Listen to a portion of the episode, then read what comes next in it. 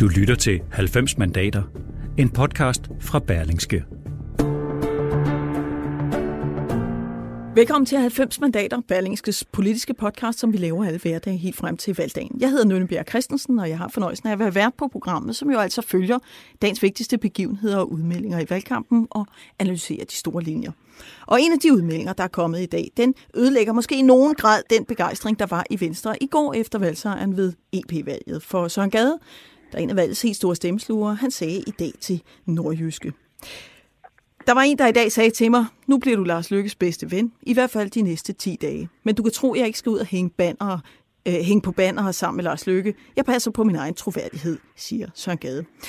Og han fortsætter, på Sjælland har der ikke været en plakat med mig. Det er jo partiets valg, men på et tidspunkt blev jeg altid så irriteret, at jeg købte nogle annoncer på Sjælland, bare for at vise flaget. Og Thomas Larsen, Berlingskes øh, politiske kommentator, du er er med mig, og øh, man kan jo godt stille spørgsmålet om, hvorvidt timing er helt optimal fra Søren Gades side herop til et folketingsvalg. Men fortæl mig lige, hvad er din analyse af situationen? Hvorfor gør Søren Gade det her? Jeg tror roligt, vi kan fastslå, at det ikke er særlig god øh, timing, og der er ingen tvivl om, at der er en del i Venstres øh, topledelse, der sidder og banner over Søren øh, Gade lige nu, fordi altså efter søndagens sejr ved Europaparlamentsvalget, så har der været et, et billede i hvert fald udadtil af, af harmoni og tilfredshed øh, i, i Venstre, og det var selvfølgelig noget, som øh, Lars Løkke Rasmussen han havde håbet, at han kunne bygge videre på øh, op mod, op mod øh, folketingsvalget. Når Søren Gade gør det her, så er det ganske enkelt øh, udtryk for, at han er en uh, meget frustreret øh, mand. Øh, han føler ikke, at han er blevet øh, brugt godt nok af sit øh, parti. Han føler, at øh, han ligesom er blevet holdt i, øh, i, i, i skyggen. Og så føler han sig også altså, svigtet af Lars Løkke Rasmussen gennem øh, flere år. Så det er sådan et, et udbrud af, af frustration for det første. Mm. Og så tror jeg også for det andet, at man skal se det som et tegn på, at Venstre i dag i realiteten er et temmelig altså labilt øh, parti, hvor der er forskellige grupperinger, forskellige fraktioner, og som også er i gang med at forberede sig på, hvad der kan ske på, på, på valgnatten, altså hvor det store spørgsmål bliver, om, øh, om Lars Løkke Rasmussen vil, vil kunne fortsætte som, som formand, eller om han vil blive tvunget til at gå af.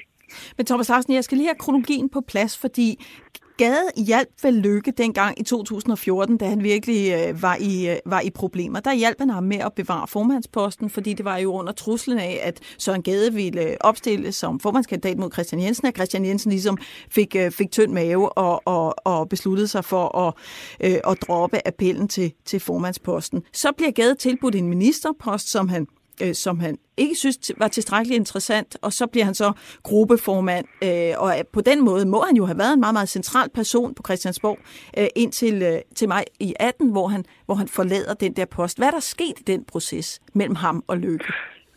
Jamen, der er simpelthen sket det, at deres relation er, er, er gået i, i stykker. Altså Gade har ikke følt, at han fik den uh, position i Venstre, som han ligesom var berettiget til, og, og som han uh, havde talentet til efter hans uh, egen mening. Så det er simpelthen også nogle, nogle skuffelser, uh, som vi ser komme til, uh, til udtryk uh, nu.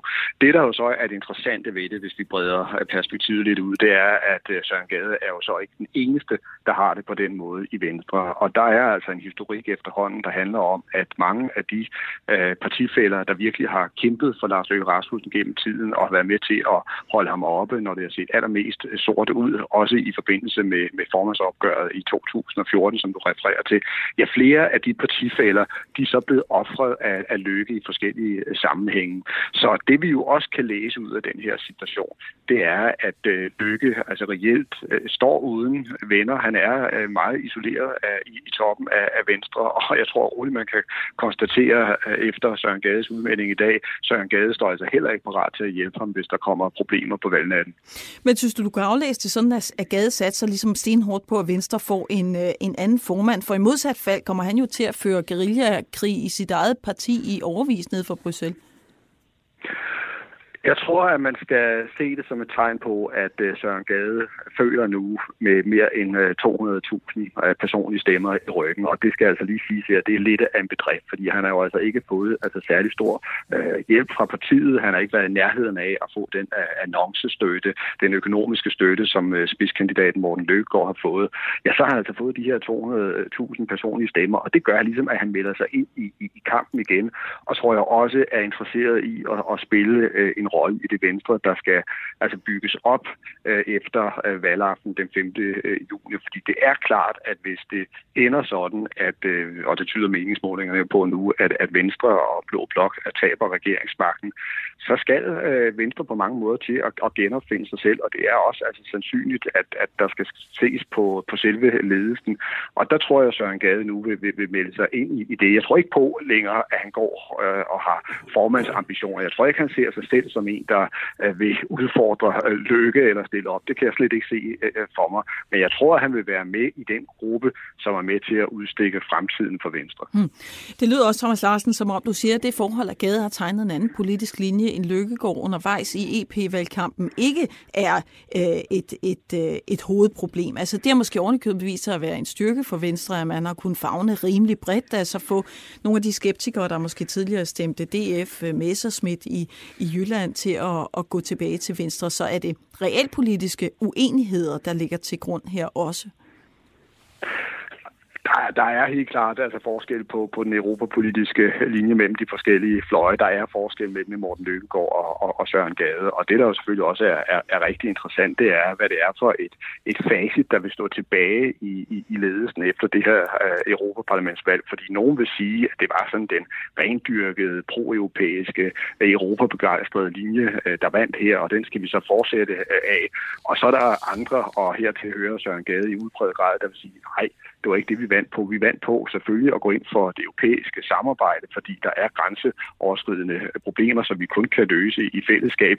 Men vi påpegede også de steder, hvor EU bliver nødt til at udvikle sig, bliver nødt til at tage borgernes bekymringer alvorligt. Og man skal jo altså lige lægge mærke til, at det var ganske, ganske få dage før øh, valgdagen, at øh, Venstre faktisk gik ud helt bogstaveligt ikke? Og, og ønskede, at der skulle øh, sættes en, en, en grænse ned og blev forsager for ønsker om permanent grænsekontrol. Og der vil Søren Gade sige, at det var lige præcis den linje, som vi vandt på. Ja, altså det var i hvert fald ikke en blomst, der, der havde vokset i Lykkegårds, øh, Lykkegårds have, men det, det lyder stadigvæk som om, du siger, at det er personlige modsætningsforhold igennem mange år, mere end det politiske, der ligger til grund for, at Gade går ud og kaster den her håndgranat.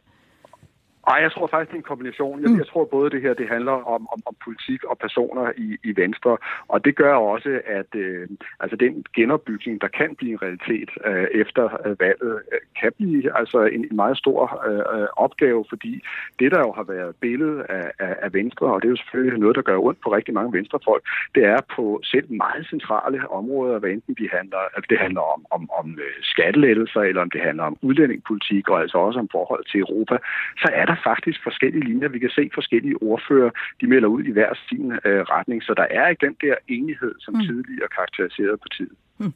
Thomas Larsen, må jeg lige spørge dig om en anden ting, inden jeg slipper dig, fordi det er jo sluppet ud fra, øh, fra S, øh, Folketingsgruppen, at Henrik Sass har skrevet til, øh, til dem, altså medlemmerne af Folketingsgruppen, at man ikke må udtale sig til pressen, uden at det er koordineret med en helt central ledelse af Socialdemokratiet. Det er Dagbladet Politikken, der skriver det i dag.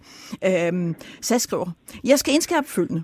Alle presseanvendelser skal koordineres med Christiansborg. Det vil sige, at man ikke udtaler sig, heller ikke på eget ordførerområde, medmindre det er aftalt med Christiansborg for en citat slut.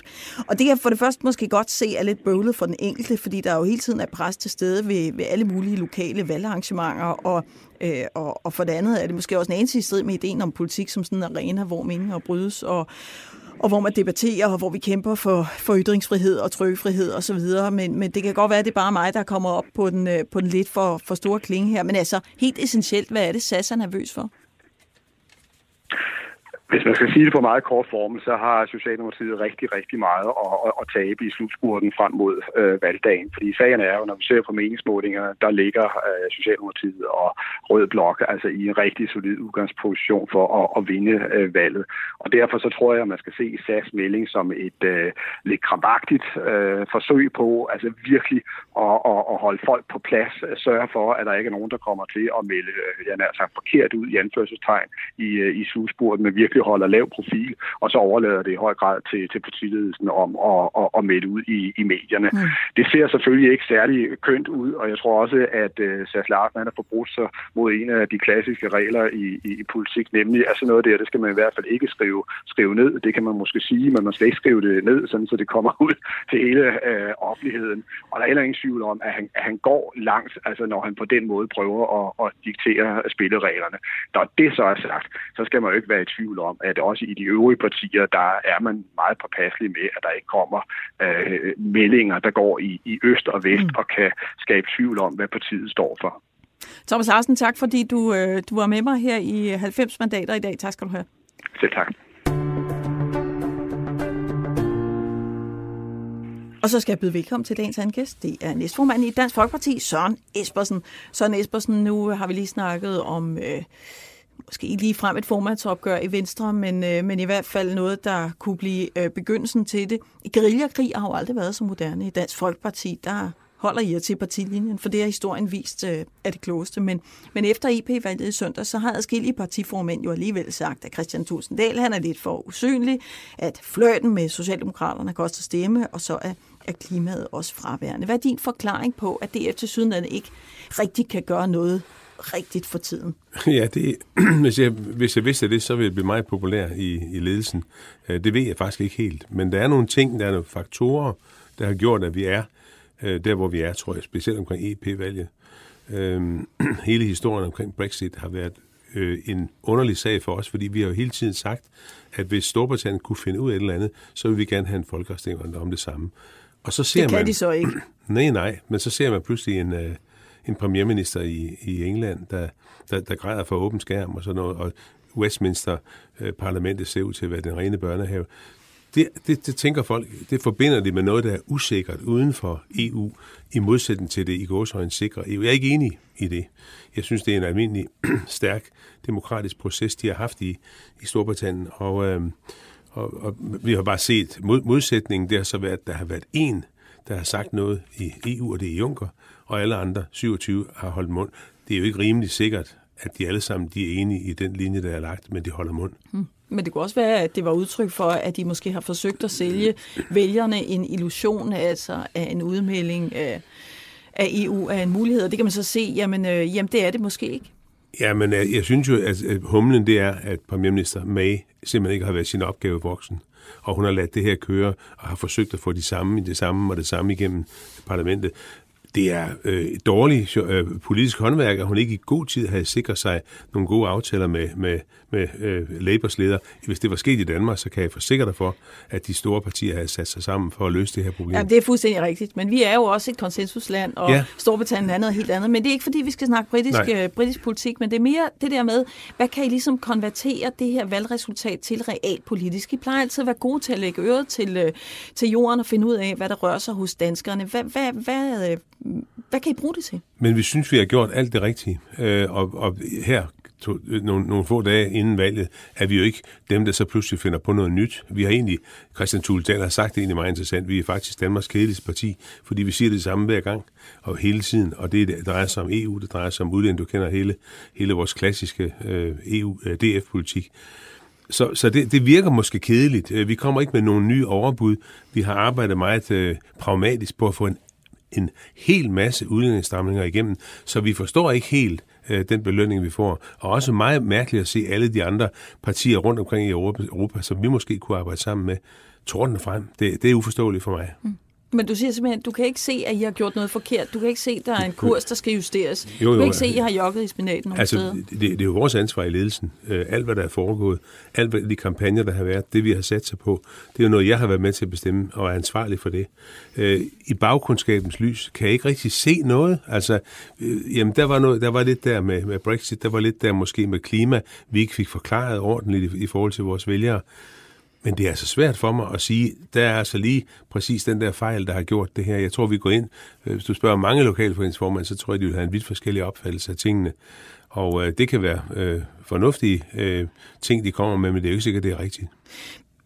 men altså, som du, øh, som du selv siger, udlændingepolitisk ved man nogenlunde, hvor, øh, hvor man har. Jamen ikke desto mindre er blevet overhældet øh, højere om, kan man sige, af Nye Borgerlige og, og Stram Kurs i den her valgkamp. Hvad mener du om de to partiers udlægning af, at der kan gøre, gøres langt mere for en strammere udlændingepolitik? For det er jo essentielt jeres egen hjemmebane, de slår jeg på. Ja, men det er jo så interessant, fordi det er jo egentlig det, der sådan er en gammel børnelærdom i politik for, før et valg.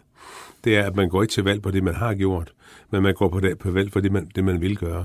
Og i vores optik, der er det egentlig bare en videreførelse af en, en, en politik, der betyder for eksempel, at vi sidste år fik 2.500 asylansøgere, mens de i Sverige fik 160.000. Hvorimod Nye Borgerlige øh, og, det, og det andet parti, Paludans parti, øh, jo kan love en hel masse, øh, og også at det bliver godt vejr og, og, og medvind på cykelstierne, fordi det er alt sammen noget, der er offensivt, og nu skal udlændinge bare smides ud og sådan noget. Det lyder jo øh, forjættende, øh, når de siger det, men jeg mener, det er stærkt urealistisk. Og der er vi altså ikke. Vi vil ikke være med i den overbudspolitik. Øh, jeg tror, de øh, har meget øh, at takke også for os den danske befolkning for i den, det arbejde, vi har lavet. Mm. Så vi, vi kommer ikke med noget, der så overbyder dem. Vi synes, noget af det, de kommer med, er ganske, er ganske ordentligt, og som vi også selv, meget, meget af det også helt, helt galt. Mm. Men hvor er de røde linjer for jer? Fordi altså for eksempel i forhold til, øh, til konventioner, så står de jo sådan nogenlunde fast. I hvert fald hvis man, øh, hvis man kigger på den nuværende statsminister. Han er ikke med på at, at rykke Danmark ud af nogle konventioner. Og det er, jo, det er jo i hvert fald en af de røde linjer i udlændingepolitikken. Jo, jo, men jeg vil så sige, der er mange af de ting, vi har foreslået i tidens løb, der er blevet skudt ned med det samme. Og så er det altså endt med at blive, øh, blive politik. Ja, og hvem, øh, hvem glemmer nogensinde Birte Weiss og Torkel Simonsens øh, øh, politikere i 90'erne, tror jeg, de sagde jo også, at vi kan ikke gå, vi kan ikke gå længere, end, end, vi, øh, end vi allerede har gjort. Så, så, så der er jo folk, var lige vil sige før Dansk Folkeparti, der har sagt, at vi kan ikke komme nej, videre nej. af den vej. Det, det, det er rigtigt, men, men det mener vi altså, vi kan. Altså, vi vil gerne træde ud af den europæiske menneskerettighedskonvention. Vi vil gerne ud af statsløsekonventionen. Der, der, der er ting, vi godt kan, kan, kan have stadigvæk som en del af dansk politik, men de væsentligste ting, mm. der, der vil vi gerne ud. Og, og det tror jeg, vi kommer. Øh, vi, vi sad i grænsekontrol, og, og folk øh, så ud som om, vi var virkelig mærkelige. Nu har vi det altså, og vi har ovenikøbet haft to statsministerkanaler nede ved grænsen, der er for sikkert, sådan bliver det. Mm. Jeg tror ikke helt på dem, men lad os se. Men øh, som, du lige, øh, som du lige nævnte, så, øh, så har I jo en politik, der, der går nogenlunde lige ud i forhold til det, som, som I altid har gjort. Og det kan måske også være en af forklaringerne på, at, øh, at der er nogle lokalformænd, der er begyndt at pippe op og sige, at øh, I altså, måske er for usynlige, men det er at, også, at formanden ja, er for usynlig. Jo, jo, men, men men, men, det er jo også rigtigt. Jeg, jeg tror, det, det, det, skal se i en, det skal ses i en, i en, i en, meget, en situation, hvor vi er meget presset. Øh, det er vi jo vidderligt. De samme lokalforeningsformand sad jo og jublede øh, ved vores øh, diverse årsmøder, fordi Christian nu havde sagt til Mette Frederiksen, hvis du, hvis du gerne vil tale med mig, så har du mit telefonnummer. Der, der stod folk op og klappede, givetvis de samme lokalforeningsformand. Men altså, en af stedet, det skal jo have en årsag, når det går ned. Og så finder man nogle ting, som måske mm. kunne have været gjort anderledes. Og det medgiver jeg, der kunne have været ting, der kunne have foregået anderledes. Men det er, det, som jeg nævnte også indledningsvis, det er det, man vender tilbage til. Altså, I det hele taget er det jo ekstraordinært, at man kan få fat i nogle partiformænd fra Dansk Folkeparti, som siger noget negativt om partiet, øh, apropos det der med at holde sig til, øh, til partilinjen. Men de siger jo de her ting. Christian Tusinddal er for øh, usynlig, at S-fløten øh, øh, måske ikke har været den rigtige vej at gå. Altså, er vi blå, eller, eller hvad? Mm. Øh, og så er der ja. det her med klimapolitik. Jo, altså det med at være blå og rød, det, det giver jeg fuldstændig øh, kritikerne ret i. Øh, der skulle vi, være, vi er blå, og, og, og vi er blå i den grad, vi er nærmest kongeblå, øh, for noget at få det sagt. Og, og så har vi altså bare nogle rigtig gode muligheder for at, at, at, at lave for vores politik igennem på forskellige områder. Så det, det, det, er der, det er der fuldstændig, det med, det med Christians usynlighed har jeg altså utrolig svært ved at forstå. Det, jeg tror, man egentlig mener, nu gætter jeg, for det mm. kan ikke vide, hvordan de lokale hvor man tænker, men det er, at lige aktivt, når det gælder udlændingepolitikken, som er vores øh, kerne, der har han jo været rigtig god til at overlade det til Martin Henriksen, til mig, til øh, Messerschmidt, til andre, øh, Peter Kofod osv., og så, er det, så har det jo været kørt, og, og det, det er jo ikke, fordi vi holder op med at tale om det. Christian har bare uh, andre ting, han også arbejder med som leder. Jeg tror, det er der, det ligger. For usynligheden, Jamen altså, vi, vi, vi abonnerer på Infomedia, jeg kan da garantere dig for, at han er til i fjernsynet, så jeg ved ikke, hvad det er for et program, man ikke ser. Nej, okay. Um, så er det det sidste, og det er det med, med klimapolitikken, som jo i hvert fald i forbindelse med EP-valget har været en, øh, en virkelig, virkelig stor sælgert hos, øhm, hos borgerne. Skal vi ikke lige prøve at høre et klip med Pia Kærsgaard fra valgaften? Det kommer her. Måske er det alle klima øh, hvad er det nu, man kalder dem? Klimatosser. Nej, alle dem, der alene går op i klima. Det gør vi også i Dansk Folkeparti, men det er jo ikke det, vi alene går op i. Og jeg tror faktisk, måske det kan være det, der har gjort det. Men fred være med det, fordi man siger ikke imod, hvad den danske befolkning stemmer. Befolkningen har altid ret. Sådan er det. Og det er folkestyre i allerhøjeste grad, og det er det, vi hylder. Ja. Der er en lokalformand, som, øh, som siger til Berlingske, en lokalformand i Hosbo, Richard Grok her, Bostrup Møller, der siger, øh, vi skal lytte til de strømninger, der er i samfundet, og det er blandt andet klimaet, der, øh, der fylder. Altså Søren Espersen, er man klimatosse, hvis man interesserer sig for miljø og klima eller global opvarmning? Nej, Øh, og, og, og Pia, ja, nu stod jeg lige ved siden af hende, da hun sagde det. Det var altså med et glimt i øjet, ja, og hun, og hun det godt men, du ved, TV. Men, men vi ved godt, at øh, det, man, det, man kan slippe af at se på, på, på tv, nok ikke altid er det samme, når det bliver trykt i en avis. Så virker det utrolig meget, meget, meget stærkere.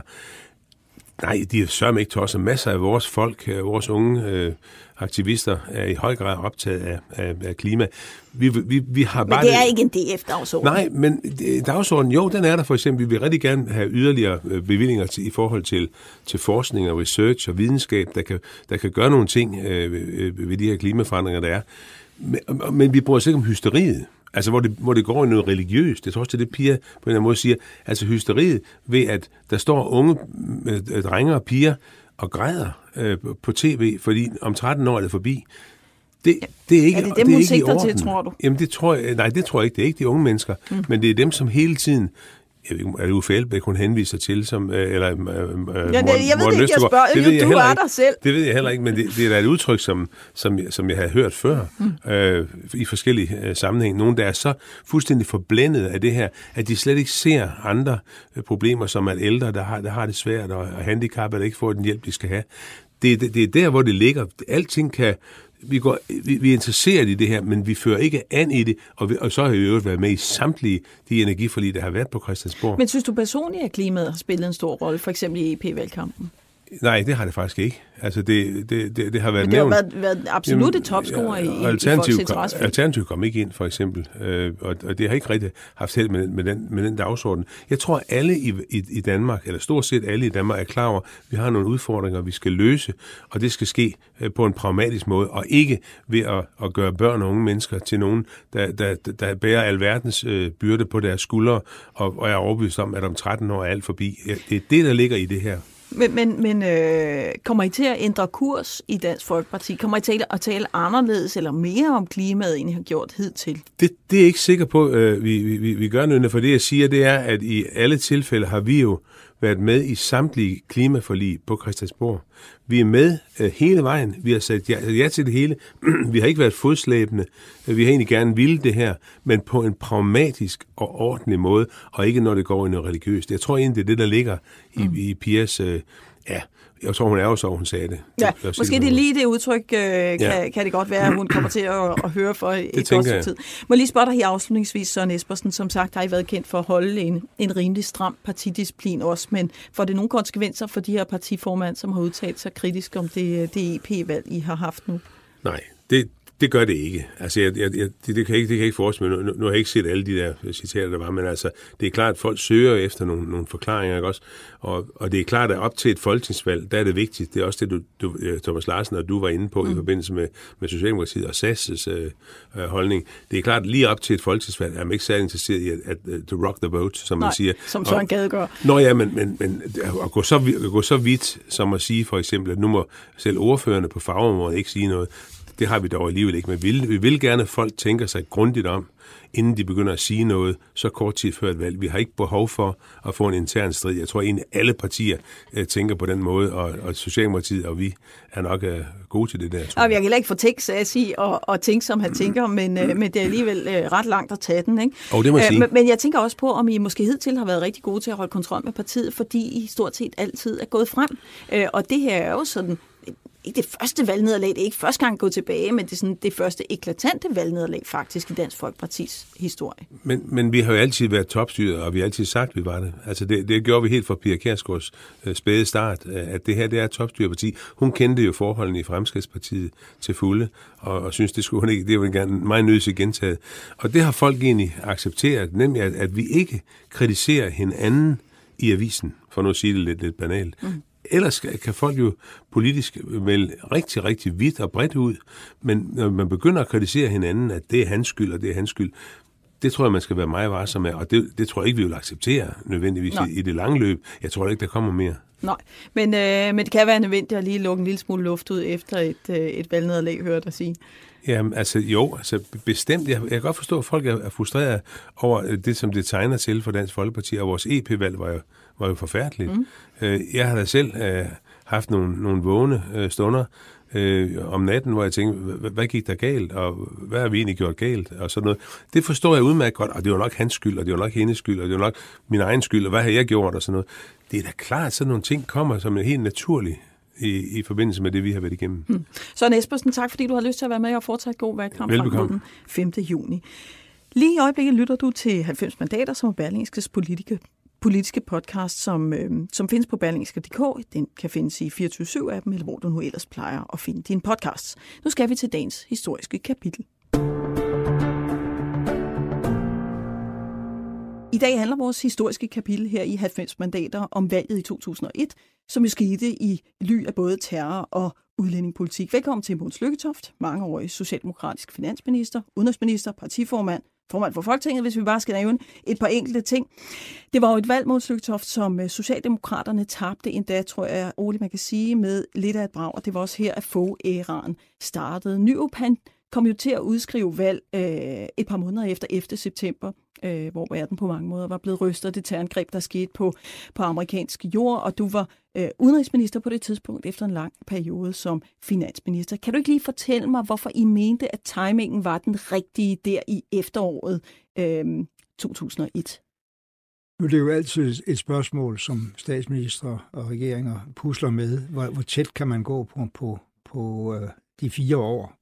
Ja. Og hvad kan vi risikere, der dukker op af nye vanskeligheder, hvis vi går helt hen til grænsen? Øh, og, og der var jo ikke mere end, end, end godt tre måneders forskel på at tage valget i november, som vi faktisk gjorde, og så vente til, til perioden var løbet ud den 11. marts mm. øh, 2002. Så, så, så det, var, det var selvfølgelig en overvejelse. Betyder det, Øh, også at, at Nyrup jo har gjort en, en, en, en fornem håndtering af Danmarks situation i forhold til 11. september og terror osv., betyder det noget for, at, at, at vi kan vinde det her valg, selvom vi har været ude i en række storme øh, fra, fra efterlønnen og frem, kan man roligt sige, øh, så, som har gjort det vanskeligt. Øh, og det, der er interessant, øh, når man kigger tilbage på det, det har jeg siddet og gjort i mine noter, det er, at det, der valget bliver udløst i starten af november, øh, der, der er det en reel chance, at øh, Nyrup kan, kan knive sig tilbage ja. med et flertal. Ja. Men, men da valget bliver afholdt, er det jo et meget smerteligt nederlag, meget overbevisende nederlag, mm. kan man sige. Ja. En meget overbevisende sejr til få. Ja, han er op mod en, en ny øh, formand i Venstre, nemlig Anders Fogh Rasmussen. Hvorfor, hvorfor, hvorfor vil du sådan samlet set sige, at Nyrup så alligevel kommer til at foregne sig i valgkampen? Altså, hvad er det for nogle vektorer, der forskyder sig i valgkampen i 2001? Altså, der er ingen som helst tvivl om, at der både blev gået, blev gået øh, dumheder øh, på regeringssiden og øh, i Socialdemokratiet. Øh, en af dem var jo øh, selv at bidrage til mere usikkerhed om udlændingepolitikken, som ja. spillede mere og mere rolle. Uh, man kan sige, at Karen Jespersen havde efter min mening en meget negativ rolle i det der, fordi hun fik først sig selv frem som strammer, ja. men hun fik jo ikke, uh, hun, uh, hun kunne jo ikke forvente, at, at et samlet parti, som havde bøvlet med det her internt og med de radikale i ni år næsten i regering, pludselig kunne ændre kursen totalt. Og det vil sige, at man fik kortlagt uh, unødigt meget øh, en svaghed og en splittelse på det her punkt. Ja, og det vil jeg godt lige vende tilbage til, fordi det blev jo et udlændingevalg. Altså, det ja. var jo, det var jo øh, altså, der var jo sket den her store terrorhandling i, øh, i øh, USA, som på en eller anden måde jo kom til at, at smitte af, fordi det var muslims terror. Altså, Venstre ender med at gå frem med 14 mandater, øh, og er større end Socialdemokratiet og, og Dansk Folkeparti går, går ni mandater frem og er større end konservativ. Så lang tid siden øh, at Slytter sad i regeringen, er det jo så altså heller ikke. Se der, og Fremskridspartiet ryger helt ud. Det var så de store sejre her fra, fra jordskredsvalget i 1973, ja. der, der, der kommer ud og, og aldrig nogensinde øh, kommer tilbage. Du siger selv, at Socialdemokraterne bøvlede meget med, øh, med, med udlændingepolitikken, og det vil jeg gerne lige vende tilbage til. Men hvorfor tror du, danskerne så altså, var klar til et udlændingevalg? For det må man jo tage det som udtryk for. Jamen, jeg, jeg, den anden side af sagen var jo selvfølgelig, at øh, øh Venstre selvfølgelig også Dansk Folkeparti, men Venstre meget, øh, meget øh, effektivt spillede det kort. Altså sagen ja. er jo, at hverken Slytter eller Uffe Ellemann som formand for Venstre i valgene øh, før den tid havde ønsket at spille det kort. De var imod at spille det kort. De synes det ville være uh, urimeligt splittende. Uh, Anders Fogh havde ikke den betænkelighed. Og det, han havde helst at udnytte, var jo i virkeligheden en vældig underbevidst frygt, uh, som koblede også urimeligt tæt hos mange mennesker uh, sammenhængen Til mellem terroren og indvandringen og flygtningen og hvad har vi. Ja. Uh, og så derfor kom det til at spille så stor en rolle. Mm. Og man havde den der venstre annonce, som stadigvæk øh, synes var usmagelig med nogle øh, rødder fra indvandrermiljøet, der lige var blevet dømt med, med en understregning, at de var blevet dømt alt for mildt osv. Ja. Øh, men, men, men det lykkedes virkelig øh, få, to ting lykkedes for få. Det ene var at få det her op i underbevidstheden meget kraftigere, og også op i overskrifterne. På altså koblet muslimsk indvandring ja, med terror. Ja, ja. Men det andet var, han fik lagt alle andre modsætninger ned. Han fik sagt, jamen, det der med minimalstat, det var ikke ham, og det var ikke nu. Mm. Øh, og der var ikke nogen stor forskel. Jo, de ville gerne tage et par milliarder fra udviklingsbistand og give til sygehusvæsenet. Øh, og det har så måske ikke stødt så mange danskere, der overvejede den ene eller anden side. Øh, og, men ellers vil han, han ikke skære ned på noget. Og så havde han skatteloft ja. som, som tilbud.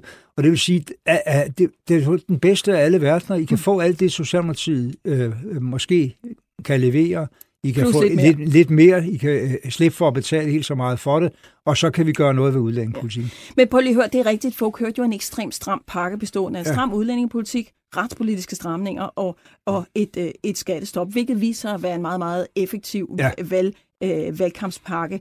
Men som jeg også nævnte før, og som du selv nævnte, Socialdemokratiet har jo bøvlet hele vejen op gennem 90'erne ja, ja. med udlændingepolitik, fordi Vestegnsborgmesterne havde sagt, hallo, er der nogen, der nogensinde kommer på besøg herude i ghettoen og ved, hvad der foregår? Birte Weiss havde forsøgt at stramme, Torkel Simonsen havde ja. strammet, det, det havde de begge to gjort. Partiet var sådan set splittet. Men du siger, hvis jeg ikke husker meget galt, at du brugte udtrykket usmageligt, men må man ikke bare sige, at danskerne egentlig var klar til det, og det måske var Socialdemokraterne, der ikke rigtig havde forstået, hvor det her land egentlig var henne på den her dagsorden. Jeg tror sådan set, at både Nyrup og, og jeg havde forstået udmærket, hvor danskerne var henne. Men, men det vi kan sige er, er at det, det var noget, vi bøvlede med, som du rigtigt siger, hmm. at få enighed om i partiet, finde det rigtige snit, og først og fremmest bøvlede med at få enighed med de radikale om, Øh, fordi hvis de stramninger... Som ja, det gør det jo ikke ekstra nemt. Det nej, kan vi jo hurtigt, nej. Øh, øh, og, og, og hvis de stramninger, Torgen Simonsen om sider fik lov til at lave, som var helt rimelige efter min mening, havde, var, var blevet lavet meget tidligere, så tror jeg heller ikke, at det havde været så sårbart et tema. Men mm. det var den interne brydning i regeringen, der gjorde det. Ja.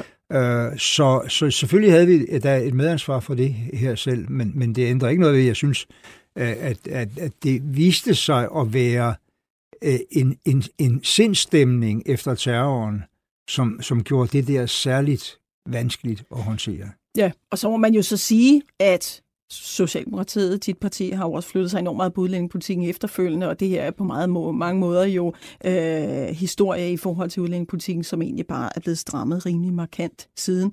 Lad mig lige her ja, til bare, sidst... ikke bare i Danmark, men hele Europa. Ja. Over, over det hele, ikke? Ja. Lad mig lige her til sidst spørge dig til noget sådan uh, lidt mere anekdotisk i forhold til det, at sidde i regering. Altså, uh, Socialdemokraterne gik 11 mandater tilbage ved det valg, og jeg har tit tænkt på, hvordan man egentlig har det, når man, når man går af som minister. Du har siddet i regering i mm. ni år på det tidspunkt, været ekstremt central centralt, haft de der bærende poster som finansminister og, og udenrigsminister. Altså, hvordan, hvordan har man det så? Altså, er det rigtigt, at man let kan glemme, at magten er til låns, og det altid kommer bag på en, at telefonen ikke ringer, når man, når man pludselig ikke øh, bliver kørt hjem af ministerbilen Jeg tror, der er mange, der har oplevet det på den måde. Jeg havde måske den øh, langsigtede fordel, at jeg prøvede at være øh, skatteminister i øh, noget, der kun var hvad for noget, øh, 20 måneder. Ja, det var under Anker Jørgensen. 1981-82. Så, så jeg havde prøvet det der før. Jeg vidste nøjagtigt, hvordan det var.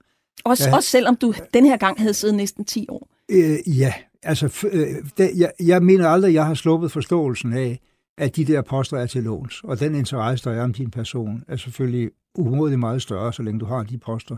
Og dine muligheder for, og det er jo det, der er fascinationen ved at være minister, dine muligheder for at flytte noget, er jo med det apparat, du så får til rådighed, selvom det er en mindretalsregering, den øh, forhandlingskraft, du får i forhold til andre partier, ja. er, er, er, er, er vældig fascinerende og forsvinder jo selvfølgelig med, med embedet. Det havde jeg godt forstået, men derfor, det, man bliver jo ikke i godt humør af det alligevel. Det, det, er, det er jo svært at sige. Nej, altså, hvordan er det de første dage, de første uger, de første måneder? Fordi man står jo pludselig med et liv, der, øh, der, der eller en hverdag, der på mange måder er faldet fra hinanden. Ikke? Jo, jo, altså også, et supportsystem, ikke bare sådan på det der med, med, med, med, med sekretær og bil og sådan noget, men, men hele den viden, du har kunnet trække på i et kæmpe system, er væk. Ikke? Du skal sidde og finde det alt sammen selv. Du får sådan set ikke mindre travlt, hvis du bliver i politik, men, men det er bare meget mere besværligt. Ja. Godt, så vidt er altså udlændingvalget i 2001. Det var jo en dagsorden, der, øhm, der var ny på det tidspunkt, men som, er, som i den grad er kommet for at blive, og ja. som har, har fulgt dansk politik lige siden. Måns Lykketoft, tak fordi du ville være med. 90 mandater er slut for i dag, men vi er snart tilbage selvfølgelig med flere nyheder, tendenser fra valgkampen og selvfølgelig også de her historiske tilbagekig. Tak for nu.